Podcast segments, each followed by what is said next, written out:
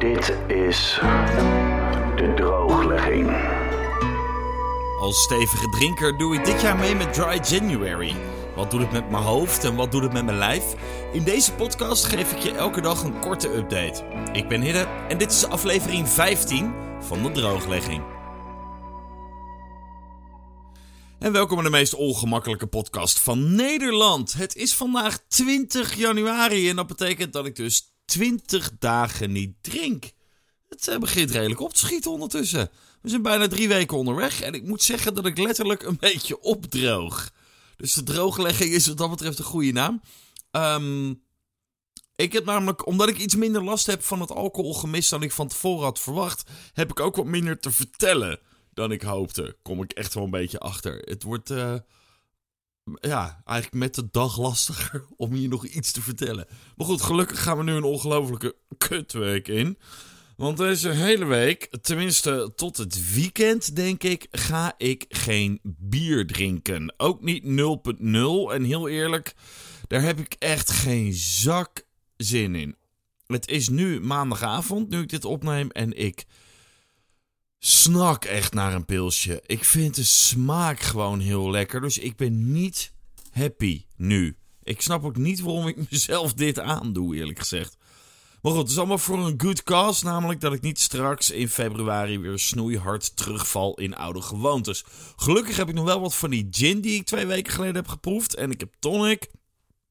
En ik heb nog wat, uh, wat prefab GT's gekocht. En ik heb nog een fles 0.0 wijn gekocht. Die het in recensies overal nog best goed doet. Rode, Chirac geloof ik. Dus ik, ik hoop maar dat ik me daar dan op kan storten s s'avonds. En waar ik natuurlijk ook geen rekening mee had gehouden, is dat ik nog twee proefafleveringen te gaan heb. Maar ik deze week natuurlijk geen bier kan proeven. Dus worden deze week whisky en rum. Ja, ik heb ook een rum gevonden. Uh, echt heel benieuwd naar. Um, dus dat is aankomende donderdag. En dan volgende week, op de laatste drank donderdag, ga ik een uitgebreide bierproeverij doen. En daar heb ik nu al zoveel zin in ben echt aan het hoorden als een malle. Volgens mij heb ik ondertussen al een stuk of tien uh, biertjes klaarstaan. Dus dat wordt een, uh, dat wordt een uitgebreide aflevering, uh, denk ik, volgende week donderdag. Maar nogmaals, aankomende donderdag, whisky en rum. Maar jongens, hoe de fuck doen zwangere vrouwen dit negen maanden? Echt, ik weet nog goed dat mijn zusje mij vlak voor haar bevalling echt bij mijn kraag pakte... terwijl ze me agressief toesisten van ik moet wijn hebben. En toen dacht ik, nou joh, zit niet zo te zeiken, het is maar negen maandjes. Maar ik ben nu twintig dagen onderweg en ik snap het volledig. Serieus, wat drink je de hele avond? Want ik ben echt een enorme natnek. Ik heb altijd dorst. En ik heb ook, weet je wel, met chips en snoep en dat soort dingen heb ik ook totaal geen bodemdrang. Hè, dat alles op moet. En dat heb ik met, met vocht wel. Als ik een, een, een, een, een glas heb, dan moet die zo snel mogelijk leeg. Ik heb nu weer een glas uh, San Pellegrino water naast me staan. Vind ik heerlijk overigens. Dat vind ik echt best wel een goed alternatief. Want dat heeft toch een beetje dat bittertje en dat soort dingen. Dus dat heeft, het heeft, ja, zonder dat het gelijk heel zoet is.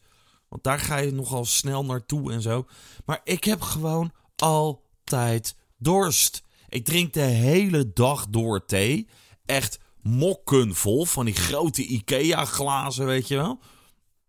En natuurlijk drink je dus water of bubbeltjes water dan. Maar op een gegeven moment is dat ook bloedsaai. Jongens, het leven is al zo kort. Gaan we nou ook nog en dingen drinken waar we eigenlijk geen zin in hebben? Of sla ik een beetje door nu? Nou Verder ben ik nog steeds zwaar onder de indruk van de vele uh, leuke reacties op de drooglegging. Er zijn al meerdere mensen die zelfs mijn advies vragen over stoppen met drinken of roken, wat ik twee jaar geleden heb gedaan. En stoppen met drinken kan ik dus nog niet zo heel veel over zeggen, want ja, daar zit ik nu nog middenin. Of nou ja, niet echt stoppen, maar goed. Um, en het stoppen met roken, tja. Ja, weet je, net als nadenken over deze podcast heb ik daar niet meer dan 20 seconden aan vuil gemaakt. Uh, ik kom even vertellen hoe dat ging. Dat was 31 december 2017. En uh, Lief en ik waren met z'n tweeën thuis voor Oud en Nieuw. Gewoon lekker rock'n'roll met z'n tweeën en om half één in bed, zeg maar. Zo'n Oud en Nieuw. En echt, ik hou ervan hoor. Ik bedoel, het klinkt nu heel negatief, maar dat zijn mijn ideale Oud en Nieuws. Um, Anyway, twee minuten voor middernacht had ik echt ongelooflijke zin in een peuk. Maar ik vond het een beetje lullig om dan naar buiten te lopen. Want dan stond ik daadwerkelijk met de jaarwisseling. Met het grote ontploffing van vuurwerk stond ik buiten. Dus dat vond ik niet zo leuk. Dus ik heb braaf gewacht. Nou, 12 uur. Happy New Year. Love you.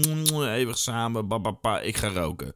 Dus ik loop naar buiten toe. Steek mijn peuk op. Inhaleer diep. En terwijl die in mijn longen zit, denk ik... Waar ben ik nou in godsnaam aan het doen? En toen heb ik die peuk uitgedrukt en ben ik weer naar binnen gegaan. En toen was ik gestopt met roken. Na twintig jaar. En ook met roken had ik nooit eerder een stoppoging ondernomen. Ik geloof echt wel dat als je echt wil stoppen.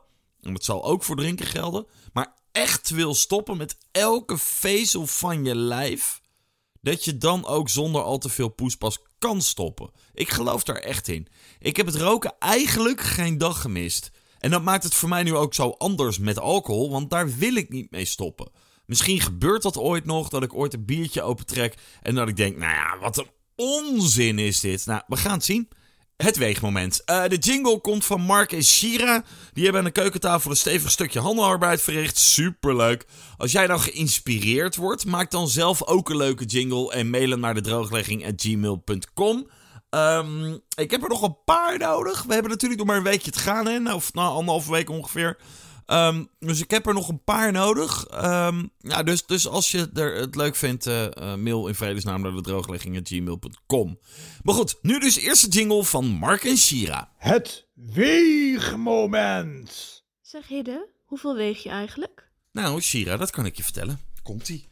Oh, naar achter. Oké, okay. 94,7. Stap ik eraf.